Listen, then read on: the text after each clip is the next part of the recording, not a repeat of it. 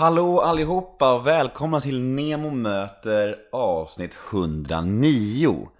Denna vecka gästas jag av skådespelaren och eh, komikern Klasse Malmberg.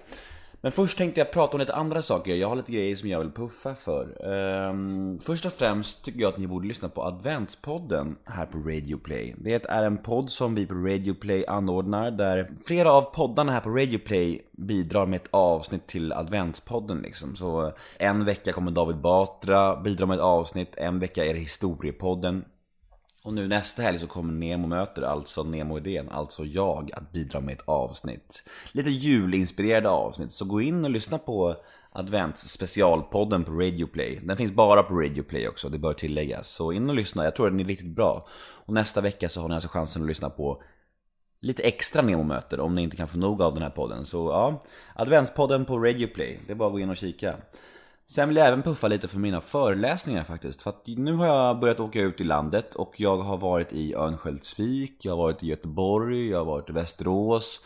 Jag reser runt nu med min föreläsning som eh, handlar om mitt liv och min historia och min eh, helomvändning och, och snabba kändisskapet och allt vad det nu är. Och mitt liv helt enkelt. Och eh, ja, det har gått väldigt, väldigt bra. Och jag vill bara puffa lite för min föreläsning. Om ni om ni jobbar på någon skola eller om ni vill att jag kommer till er stad eller liknande så kontakta gärna mig. Eh, jag finns eh, på sverigetalare.se slash nemohydén eller på Mia Törnbloms sida talkingminds.se eh, In på de sidorna och sök på mitt namn så hittar ni information om föreläsningen och ja, det är, jag tror att det är ett väldigt bra och viktigt budskap som av reaktionerna att döma ute i landet bland ungdomarna så är det ett väldigt bra och viktigt budskap. För det har varit väldigt elektrisk stämning och eh, jag är väldigt nöjd med föreläsningarna hittills. Så jag hoppas jag kan få fortsätta komma ut och prata om min resa för dagens ungdomar. För det känns som att det är ett budskap som både fängslar och inspirerar eh, kidsen där ute. Så ja,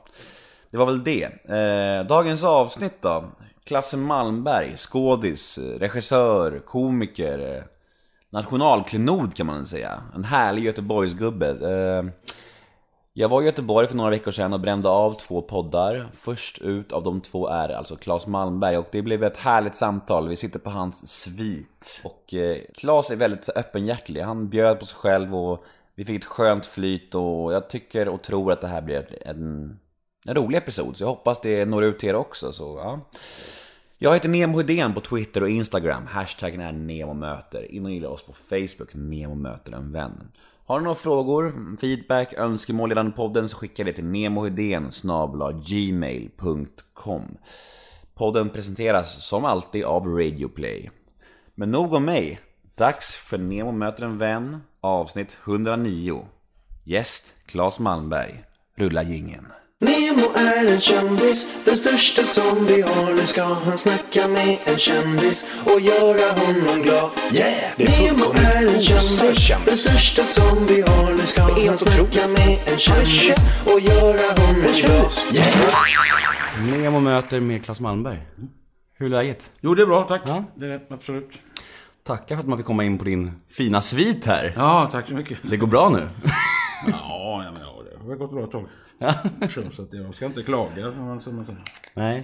Ehm, ja, jag tänker lite så här. Du har ju varit en uh, offentlig människa väldigt länge så jag brukar alltid fråga i början så här, vilken fråga och vilka ämnen är du mest trött på att snacka om så kan vi skita i det. Ja, vad är det? Knark kan vi väl hoppa över.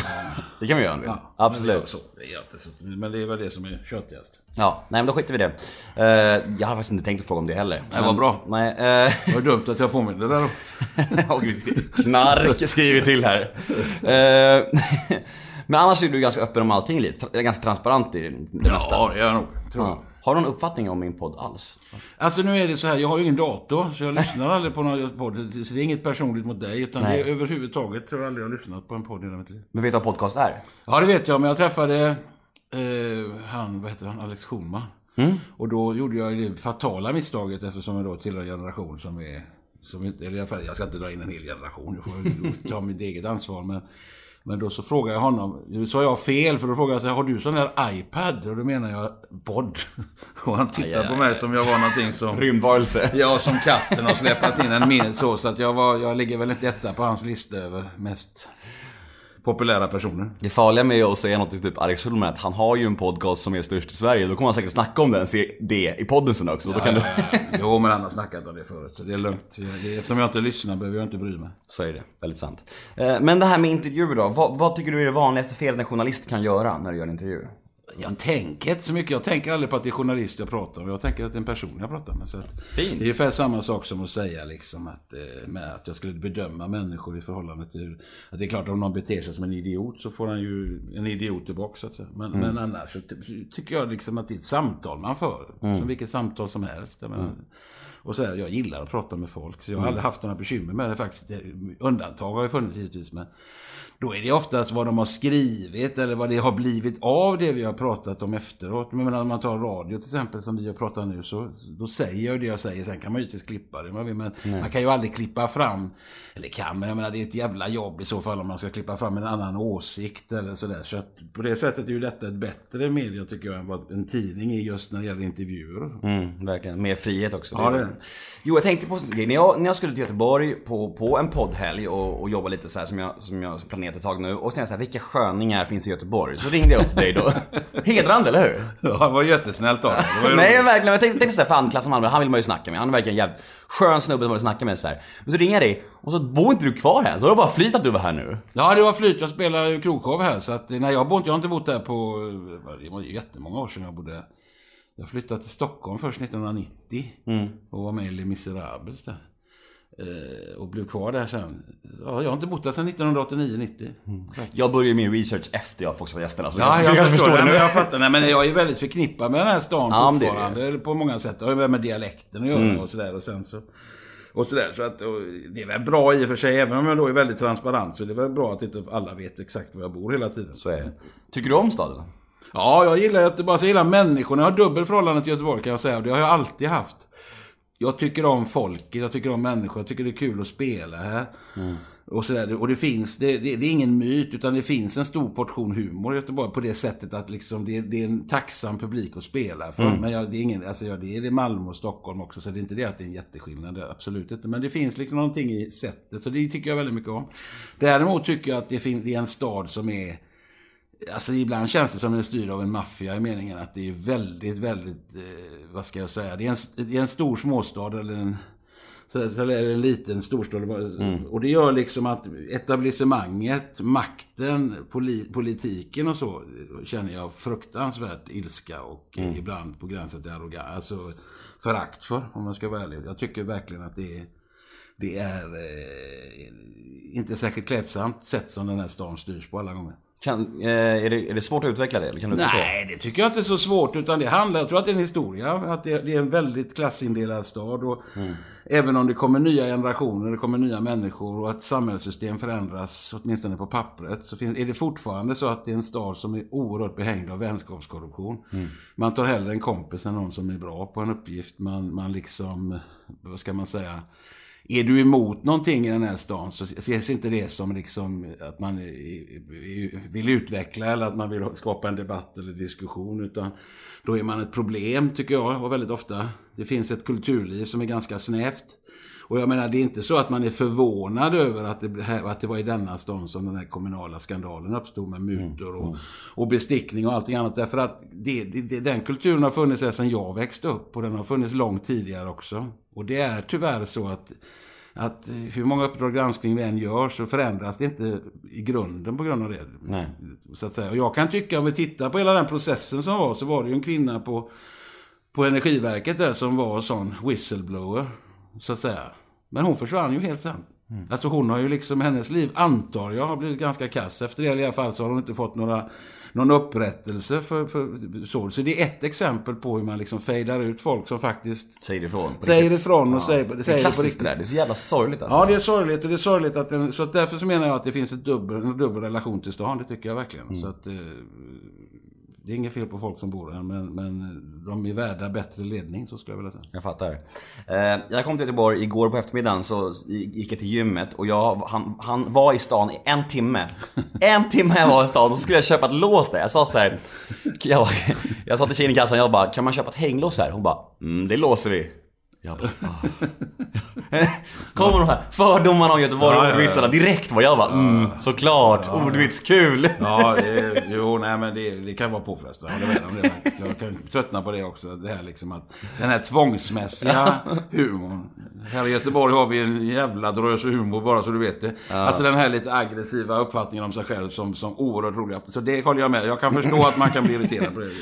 Men hela den här media och skådespel, alltså det här offentligheten som du har varit i så pass länge. Vad, vad är skillnaden nu och liksom 30 år sedan så här, och yrket så här? Vad är största skillnaderna tycker du? Den stora skillnaden är ju till exempel om man tar TV. Så var det ju så att det fanns, när jag började, fanns det två TV-kanaler. Så var du med i den ena så slog du, slog, slog, alltså de typen av genombrott som jag hade till exempel och som många hade på den tiden. De kan du inte ha idag. Därför att det, det finns alldeles för mycket konkurrens. Det finns för många kanaler. Det finns för mycket, det finns appar, det finns liksom TV, datorer, det finns allt möjligt sånt där. Så att du, du har liksom aldrig, du, du blir inte, du kan inte bli liksom känd över en natt på samma sätt som man blev på den tiden. Och det var också det att, det var, trots att det bara fanns två kanaler och man då i efterhand säger åh det var så dåligt allting och TV var så kass och det var så mycket Sovjetunionen över Sverige och allt vad man har sagt. Då måste jag ändå säga att en kanal som, alltså, jag tycker ändå att när det gäller underhållning och nöjesprogram och sånt så gjordes det minst lika bra, om inte bättre program. När vi hade färre kanaler än vad vi, har, vad vi gör idag när vi har fler. Så att, så att det är inte helt sant det där att allt var värdelöst förr och att det är så mycket bättre nu. Utan jag tror att det, det någonstans mitt emellan ligger sanningen. Jag vill snacka lite humor. Jag tycker det är intressant. Varför folk börjar med humor. Det är så här, alltså, det känns som att olika kom- komiker, eh, nu kallar, nu kallar dig en komiker här. Ja, det får kalla mig för vill. Ja. Men alltså det känns som att komiker börjar med humor av olika anledningar. Vissa börjar med det för att de var roliga i klassen, andra börjar med humor för att de tyckte att humorscenen var så dålig att de kunde göra bättre än alla andra. Och vissa snubblar in på bananskal. Ja men typ. Varför började du? Den kategorin tycker jag är, det är liksom det yttersta, yttersta vad heter det, beviset för, för förmätenhet.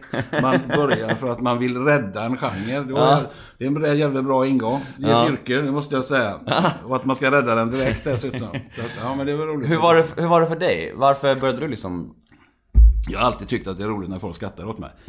Jag har alltid känt en väldigt, väldigt glädje i det. Och jag, har liksom, jag har fått den, den formen av bekräftelse som det ändå handlar i grund och botten. Det är därför tror jag man håller på. För att man vill bli bekräftad och man vill bli sedd och man vill liksom hitta sin, sin lilla plats på jorden där man liksom känner sig säker. Och jag känner mig väldigt, väldigt säker på scen. Jag, jag liksom, det, är en, det, är en, det är en tillvaro som jag, som jag trivs med. Jag tycker det är väldigt roligt fortfarande att spela. Jag tycker fortfarande att det är lika roligt när folk skrattar åt mig, helt enkelt. Eller skrattar åt det vi håller på med. Så att det är egentligen lust är det som har drivit mig. Vilja, lusten att hålla på. Tycker du att du själv är rolig? Jag har inte så stora bekymmer med om jag själv är rolig. Det är mitt jobb att vara rolig. Så att i den meningen så är det ju så att går jag upp på en scen och ingen skrattar så förstår jag med omedelbar verkan att jag har misslyckats. Det är aldrig fel på publiken utan det är fel på vad jag har gjort i så fall. Eller de omständigheterna som är.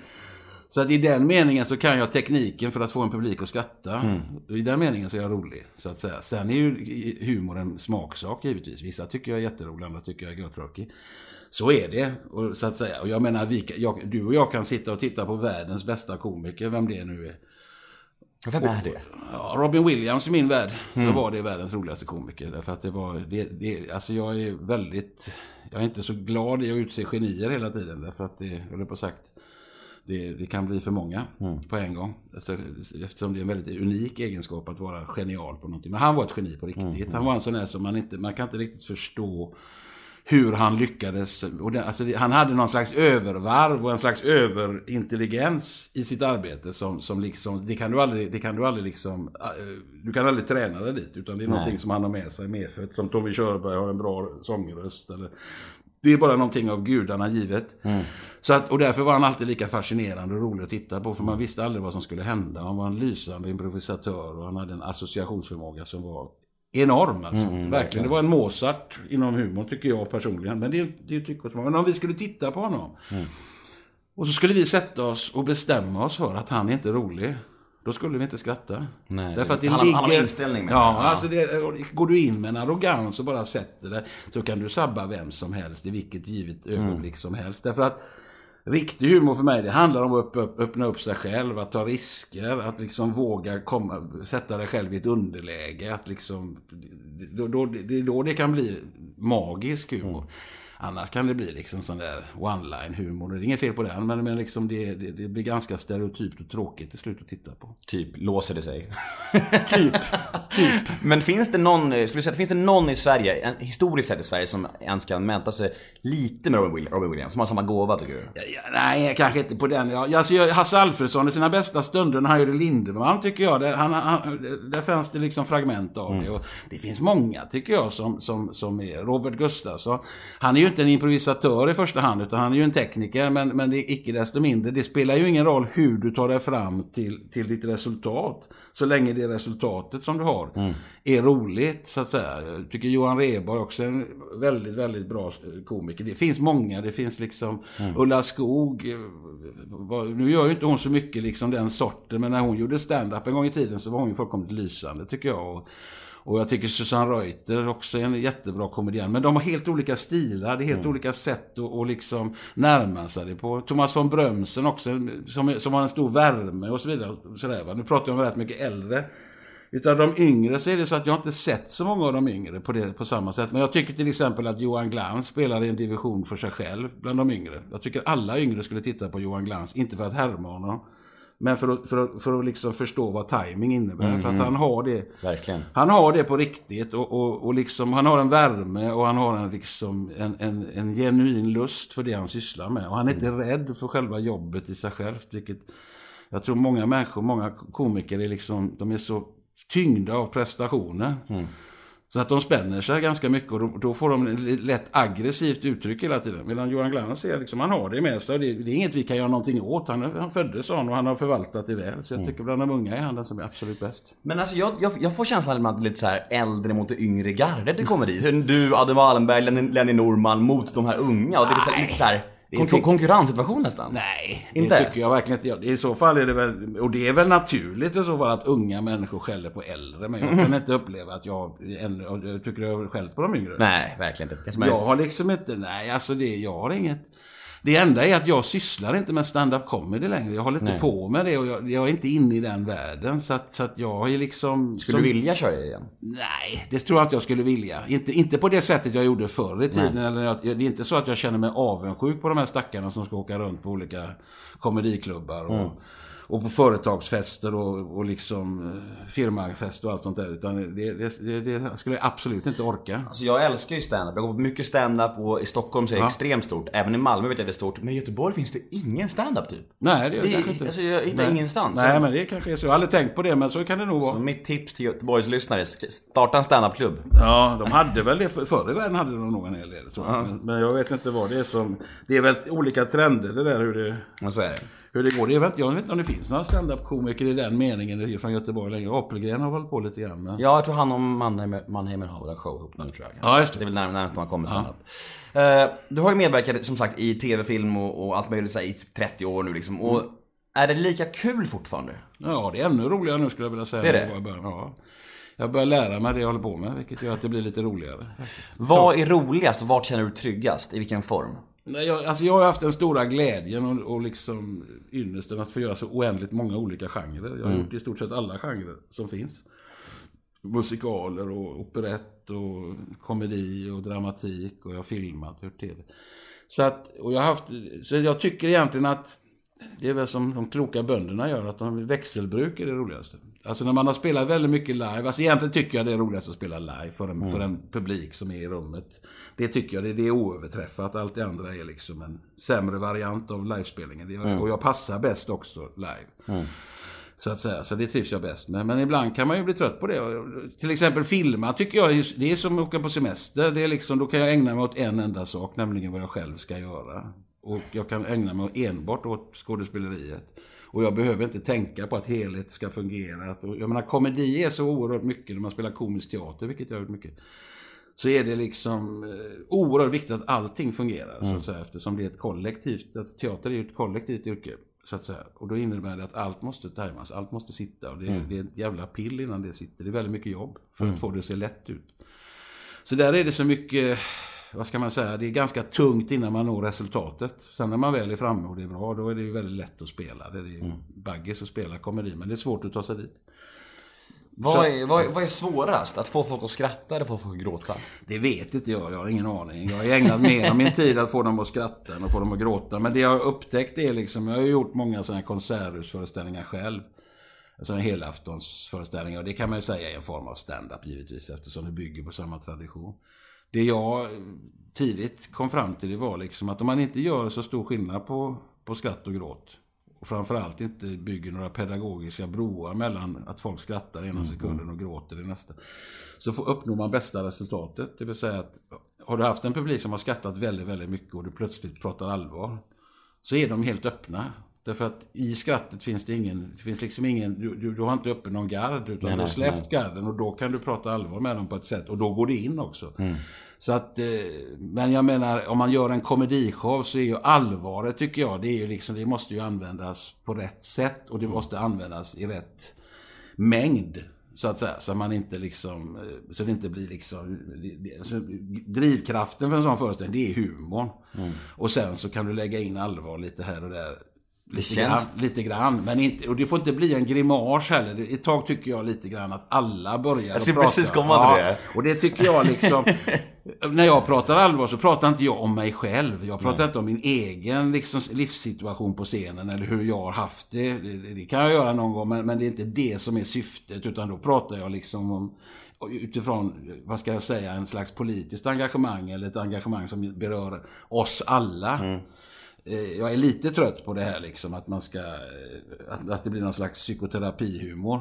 Men det kändes som det ett tag. Eftersom Många komiker gör så här eh, scenföreställningar, soloföreställningar och, och har med en allvarlig passage för sakens skull. Tvingar in det liksom. Fast det inte finns något allvarligt att snacka om så bara trycker de in det för att det ska vara med. Ja, någon har varit sängvetare eller något sånt där. Precis, jag var och såg David Batras föreställning för ett och ett halvt år sedan kanske. Och det var just den här perioden där alla gjorde så.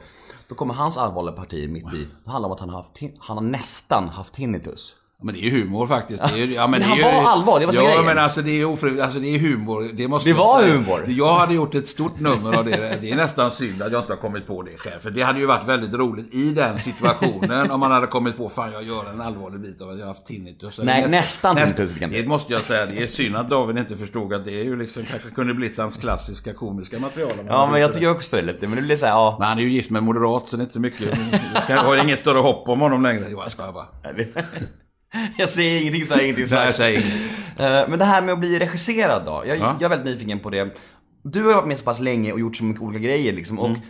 om du känner att du gör en scen där du, du känner såhär, "Fan, det här sitter, det här är svinbra. Men Mm. regissören bara, nej det där var inget vidare. Kan inte du lite såhär, vad fan, du vet? Man jobbar ju inte så Nej. eh, oftast. Jag har, ju, jag har ju en så lycklig omständighet ofta så att jag har ju fått vara med och bestämma vilka regissörer som ska vara med och sådär. Men jag kan, jag kan styra min tillvaro på ett sätt som är, Jag har liksom gått vid sidan om väldigt mycket och producerat mitt eget. Och, och liksom eh, inte varit, jag jobbat för de här To Entertain och Vicky och alla dem också. Men, men, men det är inte där jag, jag har liksom hittat min eget sätt. Och och jag tror att det är, för min personlighet så är det mycket bättre. Därför att jag behöver den sortens frihet. Och när det gäller regi så är det ju så. Framförallt när det gäller komedi, det skiljer sig från dramat lite grann på det sättet att komedin, eller egentligen gör det inte det men men komedin är så jävla viktig att helheten funkar och att, att, att där, där är det ju väldigt mycket att man delar med sig av sina erfarenheter och, och jag jobbar väldigt mycket med en komisk regissör som heter Anders Algård som jag tycker är Sveriges absolut bästa när det gäller just komisk teater, komiska musikaler och allting sånt där. Och vi har kommit väldigt bra överens och kompletterat varandra väldigt mycket och jobbat väldigt nära och då blir det inte det att liksom Självklart kan jag komma med ett uppslag och han säger men det tycker inte jag funkar och så vidare och då, då gör vi någonting annat. Man känner oftast själv om det inte är, är, är liksom Det är så. Ja, alltså, komedi är ett hantverk. Det är som att bygga ett hus. Du kan bygga det med en bra grund eller du kan bygga med en dålig grund. Alltså, det är ett hantverksjobb detta. Man lär sig det och man måste lägga varje sten i rätt ordning och det måste liksom göras på rätt sätt. Sen när det är byggt, när teknik, när allting liksom finns där, då kan man börja att improvisera och hitta och, och göra liksom, förhöja det ytterligare. Men när, man, när det inte handlar om komedi, när det handlar om eh, teater eller, eller Ja. film eller vad som helst. Känner man själv när det sitter? Ja, fast man känner inte alltid rätt. På film gör man inte det, tycker inte jag. Därför att man kan känna liksom... Man, jag- tycker inte man ska, som skådis... Där överlåter jag det helt till regissören. Vi kan diskutera, och, jag- givetvis, och regissören säger vad regissören vill ha och så vidare. Men, men du kan känna själv ibland så här, fan den satt. Men det är inte säkert att den ser så jävla bra ut när du tittar på den sen. Utan, Och sen tvärtom kanske och sen också. tvärtom, absolut. Så där, man kan inte gå på det riktigt heller. Och, och jag kan inte heller hela tiden gå på vad som känns för mig. Därför att det är ju flera som spelar. Och, och sen film klipper man. Mm. Alltså, det, det, alltså menar, en, du kan hålla på med en scen i liksom en och en halv minut. Mm. Och regissören ska ha tio sekunder. Den ska ha en blick. Och när, när en bra regissör har fått det så låter han givetvis oss spela klart men det är inte så jävla noga. Nej. Alltså, det, det, det, alltså det är så korta ögonblick i film. Och på film kan du ju få en amatör att framstå som fantastisk därför att ah, du har ett bra ansikte, kanske en bra replik. Du kan klippa en människa bra och du kan klippa en människa dåligt. Oavsett hur skicklig du är. Medan på teatern så ser du allting i realtid. Du kan aldrig plocka upp en amatör på en scen. Om det inte är en amatör du ska ha. Och få den personen att bli en bra skådespelare. I live, det kommer du aldrig kunna göra. Men däremot på film kan du göra det. Men har du något, nå- någon, något ögonblick i din karriär som du känner att du är mest stolt över? Går det att säga så?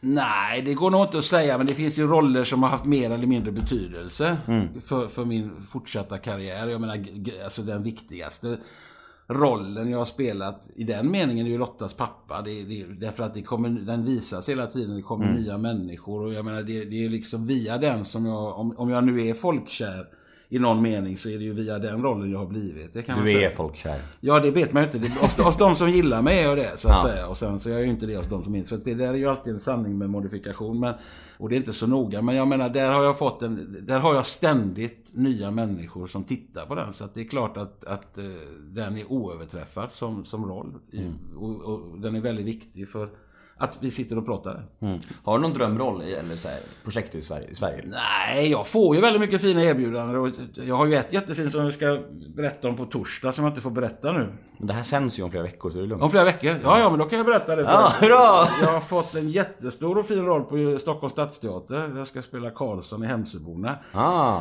Och det kan man ju inte säga att jag har varit en drömroll, men när, men när, när den liksom presenterades för mig så tänkte jag shit vad roligt. Det är ju skitkul att spela det och det är kul att komma till Stockholm för det var ett tag sedan. Jag var i och för sig uppe och gjorde Charlie Stunt där förra våren. Men, men jag gillar att spela i Stockholm så, så att det var kul att byta miljö lite. Så, att det, så det ska bli roligt. När ska den gå upp Den går upp i vår på Sto- Stadsteatern. Fan vad kul. Jag och Ann Petrén som spelar huvudrollen. Jag älskar Ann Petrén. Ja, hon är jättebra. Tycker jättebra. hon är så jävla... Hon är sån namn som jag, jag bara önskar att alla skulle kunna hylla henne. Ja, men jag tror att det är liksom inom branschen och även Precis, för de som vet precis. det. Så, så kanske, sen kanske hon inte är känd för hela Sverige. Men det behöver man ju inte alltid Nej. vara. Det löser sig ändå. Så det är förmodligen, det, det, hon överlever Hon nog. verkar ganska nöjd med sin tillvaro tror jag. Så att, eh, så att hon, har, hon får nog den respekt som hon, som, som hon, är, som hon är värd. Det hoppas jag. Hon är en fantastiskt bra skådespelare. Väldigt, väldigt bra. Det är, en, det är en, ett privilegium och en ära att få spela med henne. Grymt. Då säger vi till alla lyssnare att gå och kolla på klassen. Ja, kan ju avvakta och se om den blir bra först. Men, men eh, så ska jag inte köpa grisen i säcken. Men förutsättningarna finns ju åtminstone. Härligt. Jag, när jag gjorde lite research inför, inför den här intervjun så, så googlade jag dig och kollade upp lite så här och Du separerade för, för, förra året för tredje, gången. Ja. Hur... eh, Jag, jag ska inte... jag- Alltså jag lägger inga värderingar i det, men känner du... Lägg gärna värderingar. jag vill inte det, jag vill inte Det det. gör du nog någonstans innerst inne. Så att det låt oss vara öppna. Okej, låt oss vara öppna. Tror du att du är knepig att leva med? Det är jag säkert bitvis. Eh, sen kan det ju vara så att mina fruar också är knepiga att leva med. Det behöver inte bara vara jag. Men, Mm. Nej. utan det är väl oftast... It takes two. Ja, exakt. Så att säga. Men, men, men det är jag nog säkert. Och det framförallt tror jag inte, jag tror inte att jag personligen är så knepig att leva med egentligen. Men däremot så lever jag ett knepigt liv. Mm. Det är inte så lätt att hålla ihop relationer. Eh, Det finns ju lysande undantag från denna regel och det är väl som, för, som tur är så är det väl ingen regel att alla skiljer sig hela tiden. Men, men jag tror att det här jobbet, uppmärksamheten och just att vi bor i ett litet land som gör att man måste flytta sig hela tiden. Man är lite hemma i perioder, sen är man mycket hemma i och för sig under andra perioder. Men, men jag tror att det, det sliter på relationer och det sliter på, på liksom, det kräver väldigt, väldigt speciella vad ska man säga, det får vara väldigt, jag tror att det, i vårat fall så har det liksom stått i vägen mycket tror jag. Och sen så tror jag också att, att eh, kärlek uppstår, alltså, alltså den grundläggande kärleken finns ju kvar. Jag menar, jag har ju en respekt och, och känner ju värme för alla mina exfruar. Så, att säga. så att det är ju inte så att de går från att ha varit fantastiska till att bli idioter. Nej, nej. Det är ju liksom inte på den nivån, utan, utan det är sådär. Och man, man lär sig ett nytt sätt och vi har ju barn ihop och så vidare. Så att vad, vad som händer är ju att familjen växer till oordnade proportioner. Man, har väldigt många, man har väldigt många fruar plötsligt. Tomten far till alla barnen. Vad sa du? Tomten far till alla barnen. Ja, lite så är det ju. Det, det är ju så det är. Och jag menar, det finns för och nackdelar med det givetvis. Men det mesta är faktiskt fördelar. Sen kan man säga så här, hade jag inte skilt mig alla de här gångerna så hade jag inte haft de här barnen som jag har. Och jag skulle inte vilja byta ut ett enda av dem. Så att tittar man på projektet som helhet och resultatet av det så kan man ju säga att det är en, en enda lång succé alltihop. Och det är en jävla tur att jag skilde mig. Så jag fick exakt de barnen jag, som jag skulle ha. Men hur är du, hur är du som, som pojkvän?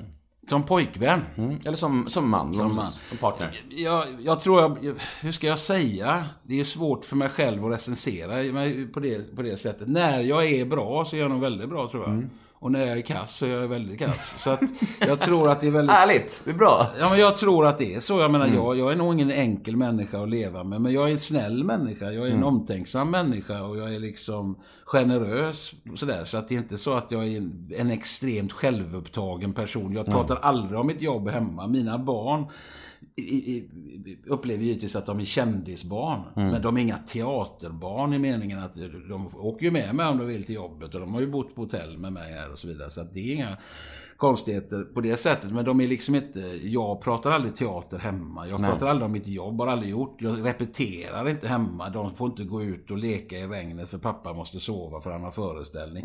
Alltså det finns inga sådana ritualer. Alltså vårt, vårt liv har inte präglats av teatern i meningen i vår, i vår familj.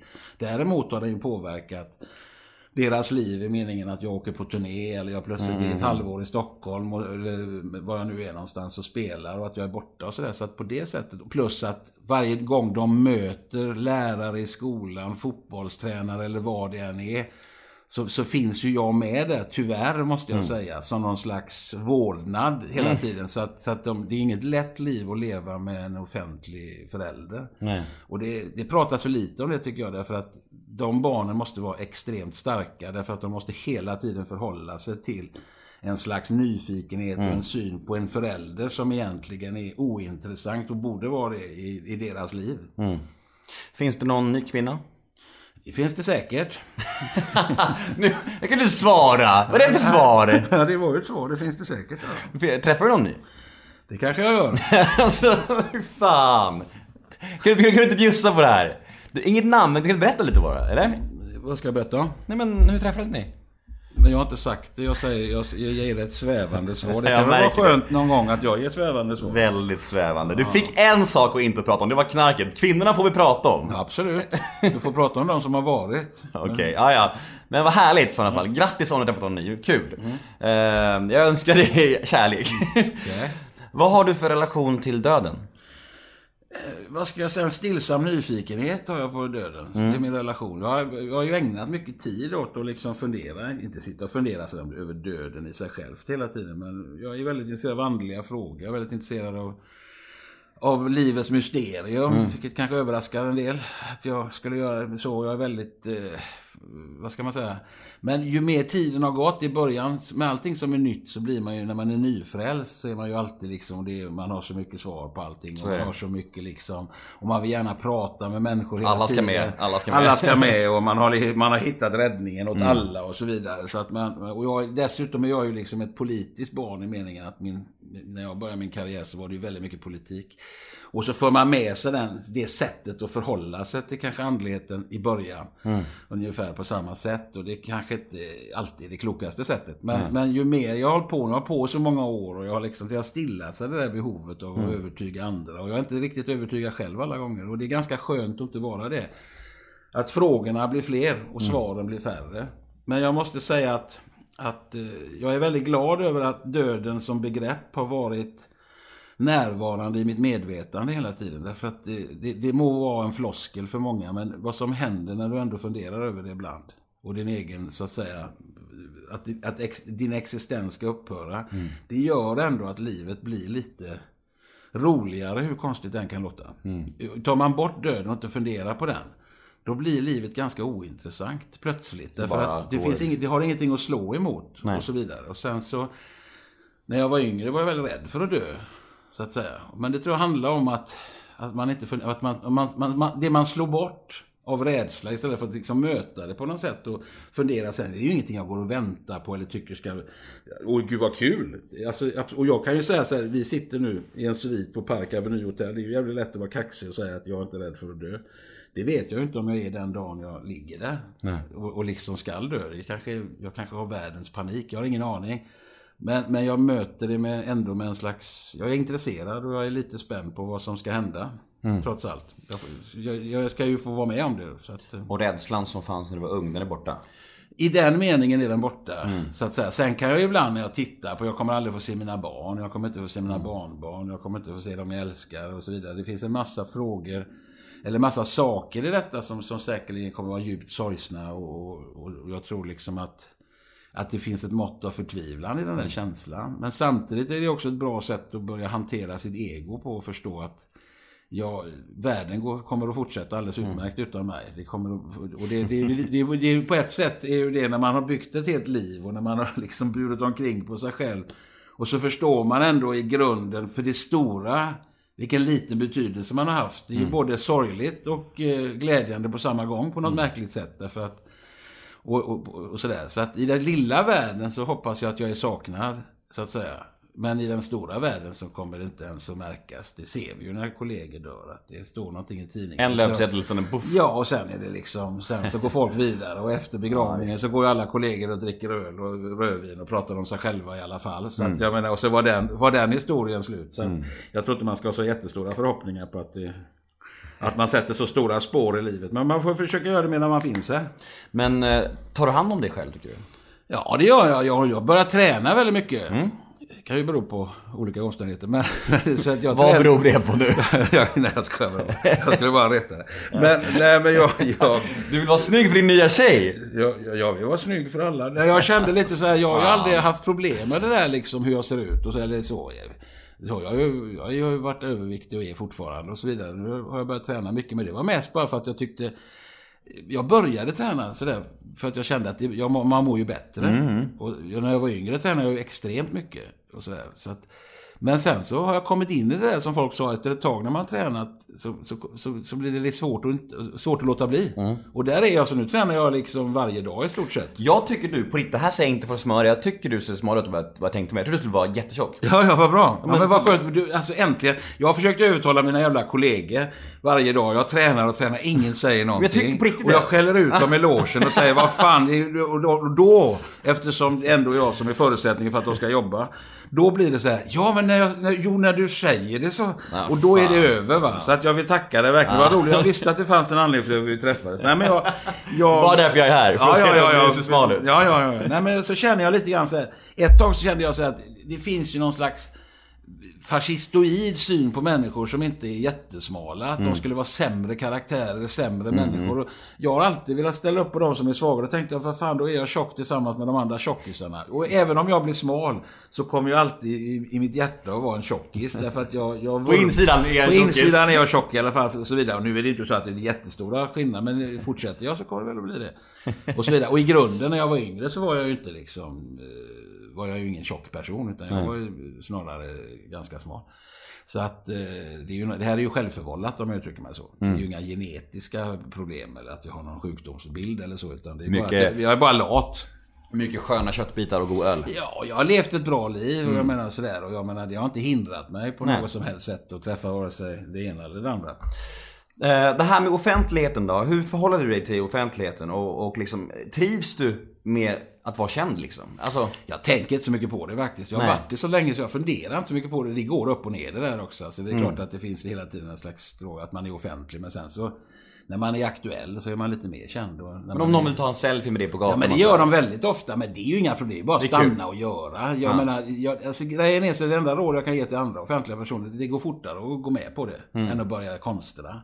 Och dessutom är det inte så svårt när man inser att det är de som betalar min lön. Så att lite, Ja, kan, ja, lite valuta för pengarna kan de ju faktiskt få. För de, de har sett till att jag har ett liv som är fantastiskt bra. Så att jag har ingen, jag, och jag har väldigt god relation med folk och tycker om att prata med folk och gör ingen stor affär av det. Och oftast om man liksom bemöter folk på ett vänligt sätt så blir man oftast, det kan ju komma någon fyllskalle så där, men det kan ju komma till vem som helst. Så är det. Och det är liksom, det är ju som det är. Men den, om jag säger, jag tror under alla mina år så har jag fått, har det väl kanske varit tre otrevliga personer på 30 år. Det är ju inte så jävla många. Mm. Och då är du ändå en som har rört sig väldigt mycket i de rummen liksom. Oh ja, Festrum, väldigt- festrummen. Ja, ja, oh ja, oh ja. liksom. Nej, men jag har alltid blivit väldigt respektfullt behandlad av publiken och av människor på gatan och så. Sen är det klart att det är fler i Malmö och Göteborg som kommer fram än i Stockholm. Men det tror jag har att göra med kulturerna i städerna och att i Stockholm har man, en- där gör man inte så på det sättet. Om det inte är någon som precis har vunnit Melodifestivalen eller så. Då kanske, de kanske har folk som går fram. Men är du en sån här som, eh, vi säger att din kompis ska boka bord för er två och när han får inget bord, är du såhär bara, nej men jag tar det så ringer du bara, det är Klasse Malmö här, Ja det, kan jag fixa." absolut, ja, det kan jag absolut göra. Ja. Alltså jag utnyttjar ju situationerna i den meningen. Det är klart att om jag ska ringa till en restaurang så är jag ju väldigt... Tydlig. Jag är väldigt tydlig med vem jag är utan att säga... Skönt, du är ärlig om det, bra! Självklart är jag det, därför att... Så, det, så gör jag, men däremot skulle jag aldrig gå på ett ställe där det är en kö och gå förbi kön. Alltså, och det har det mer att göra med att det skulle vara så jävla pinsamt om de säger att ställ dig sist i kön.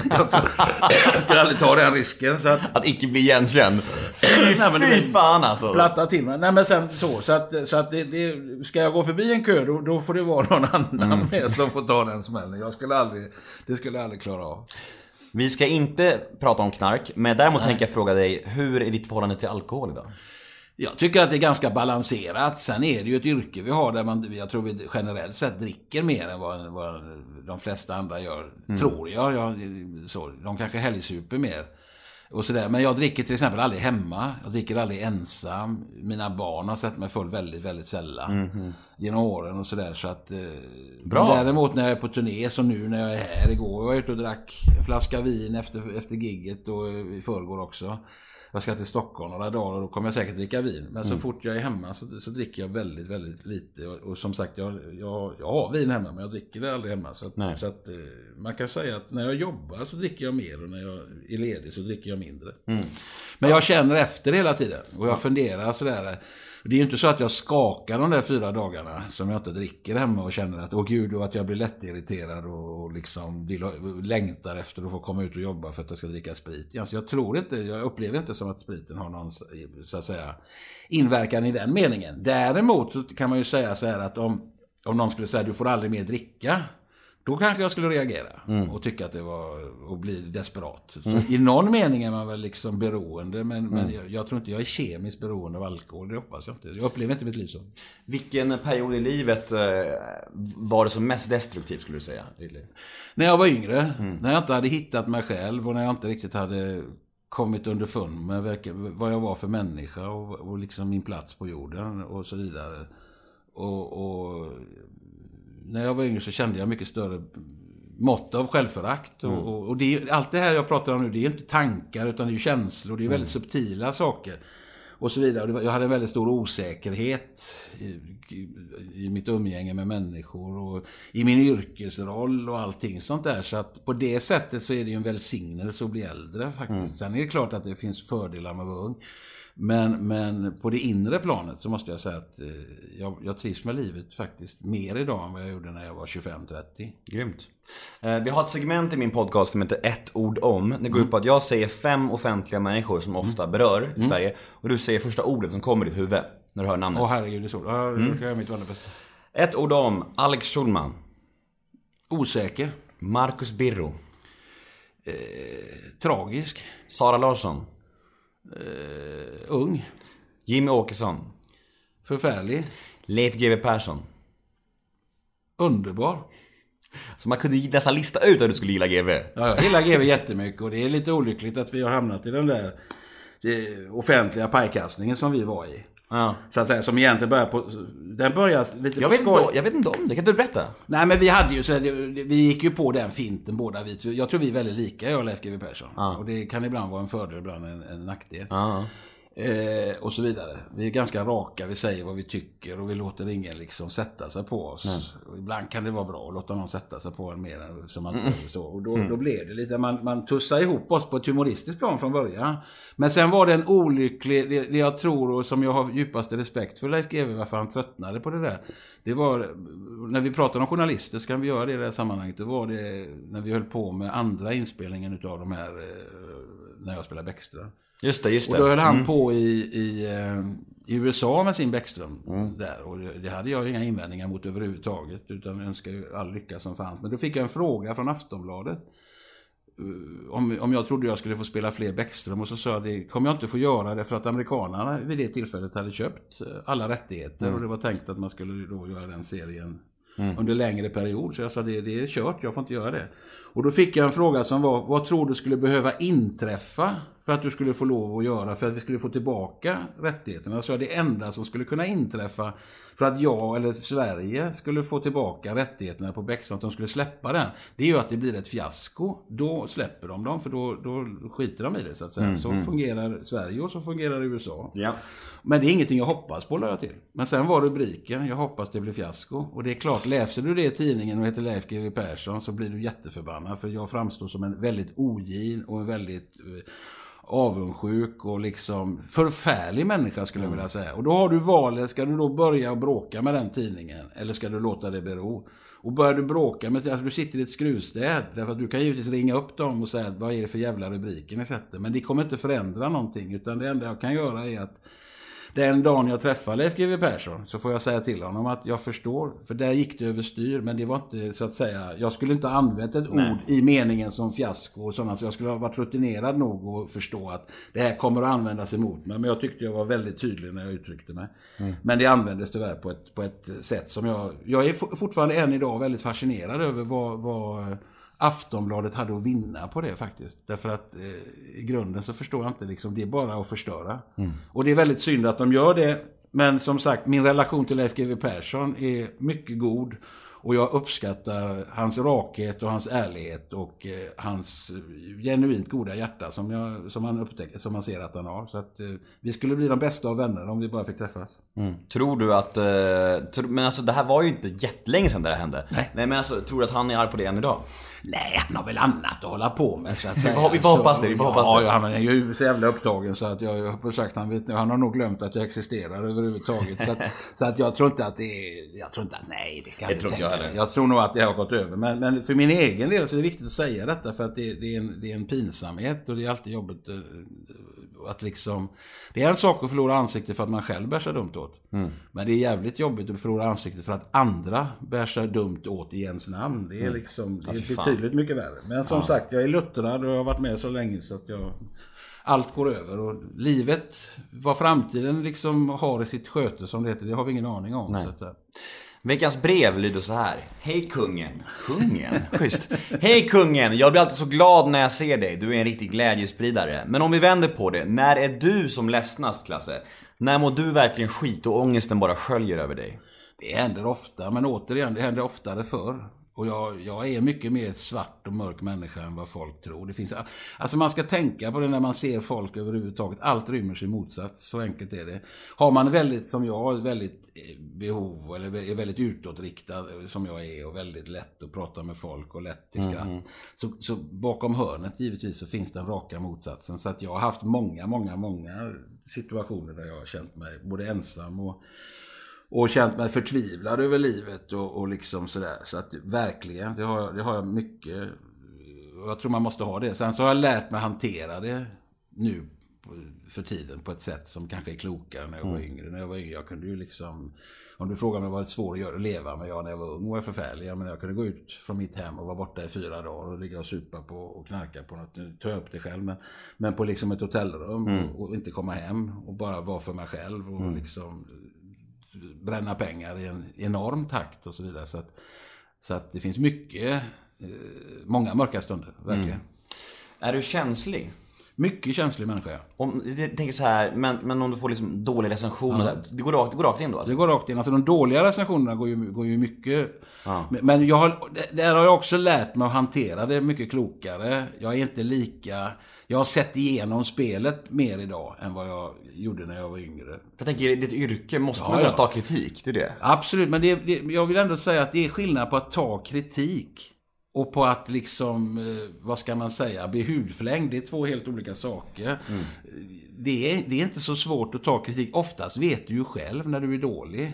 Och då kan det vara befriande med en dålig recension därför att man får bekräftelse på att det man tycker själv faktiskt stämmer. Och när det är kass så, finns, så, så, så, så, ser jag inget värde i, alltså det är inte så att jag blir glad om någon skriver oh vad bra det var. Då tänker jag, vad är det för en jävla idiot? vad, är, Ja, vad, precis. vad, vad, är- vad, liksom, vad, vad har de för planer med det här? Därför att, jag menar, om man tar till exempel, jag var på Gunnebo, jag har varit i åtta år nu. Eh, och så gjorde jag min sista sommar där nu i somras. Eh, och då, och den föreställningen var inte lika bra som de andra vi har gjort. Och den fick, den fick dålig kritik och det var inga problem att ta det. Därför att det, det, det, vi lyckades inte få till den på det sättet som det skulle vara. Sen var den underhållande och folk skrattade, men det var inte lika bra som det andra vi hade gjort, så att säga. Men samtidigt kan man ju säga att en tidning som Göteborgs-Posten till exempel har ju ägnat sig från den dagen jag började på Gunnebo av en massa olika skäl. Att politisera att jag är där, att vad vi spelar för sorts teater, eh, ska vi verkligen hålla på? Alltså, och, och det, att blanda in det i en recension, det är liksom, det har inte, de två sakerna, det ena är en debatt, det andra är att titta på en produktion och säga är det bra eller dåligt. Men här, eh, vad som har hänt med min relation till till exempel Göteborgs-Posten, det är liksom att, att det hela tiden finns ett underliggande diskussion om jag har valt rätt genre. Och det är ju inte deras uppgift att, att avgöra om jag väljer rätt genre eller om jag spelar rätt sorts teater. Utan det enda de ska bedöma är, gör jag det jag gör bra eller gör jag det jag gör dåligt? Och där menar jag, den typen av kritik måste jag säga, är, den är liksom, det är trams. Det är inte kritik. Och den typen av recensenter är liksom, har ingen som helst respekt hos mig. De kommer aldrig att ha, därför att där är det politiserat. Och det, det kan jag tycka liksom att, vad ska jag säga, det bara vittnar om vilken jävla småstad detta är. Det känns som att du är en människa som har gott självförtroende men sämre självkänsla. Ja, det kanske, jag har aldrig förstått skillnaden på de där två måste jag säga. Jag tror självkänslan är nog liksom hur man så här, ja, men man ser på sig själv medan självförtroende är ens prestationer mer. Ja, men så kan det nog vara att jag kanske, jag är ganska snabb, det, det, det kan nog ligga en stor sanning i det, även om det kanske har bättrat sig. Men, men jag är, ju, jag är ju oftast elakare mot mig själv än vad min omgivning är. Och, det är ju, och i det ligger det ju ett slags självförsvar, att se till att liksom hela tiden vara den som sänker mig själv mer än andra. Vilket jag, jag tar ju bort glädjen hos de som försöker. Det, det är smart. Alltså, Ja, det kan man ju säga att det är, men samtidigt så får man ju akta sig så det inte blir liksom ett, ett koketterande med liksom, så att det bara blir en grimas. Martyr, typ. Nej, nej, alltså, men jag har inte det i mig på något sätt. Men däremot så tycker jag liksom att hela mitt yrke bygger på självdistans. Det bygger på att jag måste kunna skoja om mig själv. Jag måste kunna i det innersta innersta så är jag väldigt mån om mig själv givetvis och, och tar- tar hand om mig själv. Men i det yttre, det här liksom, jag, jag, om folk säger att hur jag ser ut, hur jag är, alltså det, det har aldrig berört mig. Det gjorde inte ens när jag var liten. Om folk sa, för fan vad du så jävligt. Alltså det, den typen av kommentarer påverkar inte mitt liv överhuvudtaget. Utan jag inser, jag föddes, jag ser ut så här. Det är så här, jag, det är inget jag har kunnat göra någonting åt. Sen hur mycket jag väger och så, det kan jag göra någonting åt. Men, men, men det andra kan jag inte göra någonting åt. Det, det, vissa tycker att jag ser bra ut, andra tycker att jag ser för jävligt ut. Ja, sånt är livet. Det är ingenting att bråka om. Och jag menar, det, jag, döm, jag har aldrig dömt människor efter hur de ser ut. Utan hur de är som personer. Och det är liksom det som är det viktiga. Och det gäller mig själv också. Personliga misslyckanden, saker du ångrar. Har du någonting på, eh, som du känner i din karriär? Alltså, så här, någon, jag vet inte, tv-framträdande eller vad som helst. Som du bara, fy fan varför gjorde jag det där för? Ja, vi gjorde ju ett program nu, ett underhållningsprogram, gick alldeles nyss här, som hette Gissa låten. Det kan jag väl efterhand fundera på varför jag var med i överhuvudtaget. Vilken kanal var det? Det var SVT. Var det? Ja, det gick så. Ja, Det blev ju väldigt utskällt. Men det hade jag Succé, inga... eller? Nej, det kan jag inte påstå att det blev. Inte, inte kritikermässigt i alla fall blev det inte det. Men där hade jag inga bekymmer för jag håller med kritikerna. Det var ett misslyckande. Men jag menar, det är ju ingenting som jag ångrar i meningen att... Jag menar, du kan ju aldrig veta på förhand hur, hur en sak ska bli. Det är klart du kan titta på det och så vidare. Men ibland måste man chansa lite också. Mm så att säga. Och hade det blivit en succé så hade, hade ju aldrig någon frågat hur fan kunde du välja det? Jag menar, det, det är ju, ibland är ju jobbet lite av ett lotteri och det är inte, skulle min karriär bygga på att allt går åt helvete för att jag var med fyra lördagar i ett dåligt tv-program, jag menar då var det inte mycket till karriär. Så, att, Så är det. Så är det. så att det, det där ångrar jag väl, men men det är klart, skulle jag nu i efterhand kunna säga, hade jag väl kunnat sagt så här, ja men det hade varit gott att hoppat över det. Så att säga, men det är ju inte, det är ju ingenting som jag går omkring och liksom gör någon jätteaffär utan jag bara konstaterar, det var ett misslyckande. Men det är bra, då fick, då, fick, då fick du ett svar på frågan också. Ja, lite grann. Perfekt. Ja, men annars ångrar jag ingenting i livet sådär. För att man lär sig någonting av allting. Och på något sätt så är, om man tittar på fiaskon, har jag alltid sagt. I sällskapslivet är ju fiaskon en dröm. Alltså det är ju mycket roligare på middag att berätta om sina misslyckanden. Och, hur, och det, alltså fiaskorna, det är ju mycket roligare historier. Och jag, jag har fått använda dem i efterhand sen i komiska situationer, i nummer jag gör. Som har blivit jättebra på grund av att jag gjorde det där jävla fiaskot. Varför, varför, varför tror jag har som fråga i intervjuerna för? Nej men det är ju så fiaskot är. Alltså fiaskot är. Men det är kul att prata om. Ja, och det är kul att prata om. Och det är också det att fiaskot är en förutsättning för att utvecklas. för att lära sig någonting om allt går... Om du glider runt på en räkmacka hela tiden. Jag menar, det, det livet är helt ointressant. Sen, precis, sen så om man har några fiaskon så blir väl också succéerna bättre, skönare att uppskatta liksom. Ja men så är det ju. Man kan ju säga, allt det vi säger nu skulle någon säga, ah det är floskler. Så. Ja. Men, så är det Ja, i livet. Att men alla, motsatserna... alltså alla klyschorna- klyschor och alla floskler är ju klyschor av en anledning. exakt. för att de stämmer liksom. Ja, de stämmer. Och det är, så ju. att, jag menar, lite mörker och lite ljus så blir livet ganska bra. Så är det. Sista frågan. Drömmar och framtid. Hur ser det ut nu närmsta tiden för eh, Claes Malmberg? Har du något liksom... Något, något du vill promota eller något du ser fram emot eller extra mycket så här? Ja, alltså jag... ja, jag, jag har ju väldigt... Jag har ju haft... Jag är ju en välsignad person. Jag har, haft, jag har ju aldrig varit arbetslös. Jag har alltid Nej. haft jobb och folk har velat ha mig av någon anledning. Har du några drömmar kvar? Ja, fast inte på... Jag tror inte så mycket yrkesmässiga drömmar. Jag har inte drömt så mycket i jobbet. Jag har inte hunnit om man ska ärlig. Därför att jag har haft så mycket att göra så jag hinner inte drömma så mycket. Eh, och jobbet är liksom, det är, det, är, det är självklart jätteviktigt men, men jag lever inte mitt arbete. Jag, jag liksom har en massa andra intressen och jag gör en massa andra saker. Jag älskar att vara ledig faktiskt. Så. Jag är bra på att vara ledig också. Så Det är ganska ovanligt för ditt yrke kan jag säga. Ja, Bra på att vara ledig. Jo, men alltså jag... I den meningen då, bra eller dålig självkänsla. Men jag trivs med mig själv. Jag trivs att umgås med mig själv. Och jag har inga problem att liksom vara ensam och göra grejer. Och jag har inga problem att göra ihop med andra heller. Men, så att jag, jag är ganska bekväm med livet för tillfället. Så att, eh, och sen har jag liksom, jag har andra drömmar. Jag skulle vilja liksom, ja, flytta utomlands kanske och bo i varmare länder. Och, och försöka bygga upp mitt liv på ett sånt sätt att jag kanske kan komma hit och jobba och göra någon turné och sen så kanske inte bo jämt utan, utan bo på ett ställe där det inte regnar och är kallt hela tiden. Du får göra som Kjelle Berka. Ja, jag- han bor ju så jävla långt bort. Thailand är för långt bort och jag ska åt andra hållet. Ja, jag fattar. jag, jag åker inte åt Thailandshållet. Jag, Jag åker åt, jag åker åt ett annat håll där jag har mina intressen. Så att... eh, Så att eh, jag, Vilket håll då? Nu blir jag nyfiken. Ja, men om ena är österut så kan det ju vara... Det finns tre väderstreck till och du kan ju utesluta norr eftersom jag vill att det ska vara varmt. Har jag du två alternativ kvar kan du spekulera ett tag i det. Fan, du är en hemlighetsfull man. Ja, det är lite hemligheter får jag vara. Lite garbo får jag ju vara någon jävla gång. Jag är Jag ju så transparent i alla andra sammanhang så att... Helt rätt, helt rätt. Finns du på några sociala medier? Har du Instagram eller? Jag har, min son har en, har en, en Facebook-sida som han sköter. Mm. Och han är ju egentligen mycket, mycket roligare än jag och skriver dessutom roligt. Så att, så att jag har egentligen ingen... Han, han ger sig ut för att vara jag där. Mm. Och det är okej. skriver om mig. Ja, det är hans uppgift. Eh, För han skriver fruktansvärt roligt. Så Mm. jag måste säga att jag har en... Jag, om jag får säga det själv utan min egen förtjänst så har jag en väldigt rolig Facebook-sida. In och gilla Klasse Malmbergs Ja, det tycker jag Facebook-sida. faktiskt att ni ska göra. Därför att, därför att jag är helt oskyldig till den. Men jag skrattar gott åt den faktiskt. Det är enda gången jag kan skratta åt mig själv. För att det är inte jag själv som gör det. Men, men eh, den, är, den är väldigt rolig. Är det typ så här, men det, skriver han från dig som typ du skulle kunna skriva ungefär, eller vadå? Nej, han skriver nog alltså, den är väldigt, om man tycker liksom det här med, du vet alltså som Schyffert och de höll på med, väldigt sköna sådana där, du vet. Eh, nischade band Mm, och sånt där. Men här är det liksom på, på en ännu högre nivå Mm. måste jag säga ibland. Och det är liksom väldigt litterär och liksom... Fan spännande, jag måste Ja, kolla ja, direkt. jag tycker den är kul. Nu har jag inte varit inne på ett tag, men, men han sköter den åt mig. Så att säga. Så att, In och gilla Klassen Malmberg på Ja, gör Facebook. det, gör det. Eh, jag heter Nemo Hedén på Twitter och Instagram. Hashtaggen är NEMOMÖTER och in och gilla oss på Facebook, Nemo möter en vän. Jag säger stort tack till Klassen Malmberg. Tack så jättemycket för att jag fick vara med. Hej då! Hej då!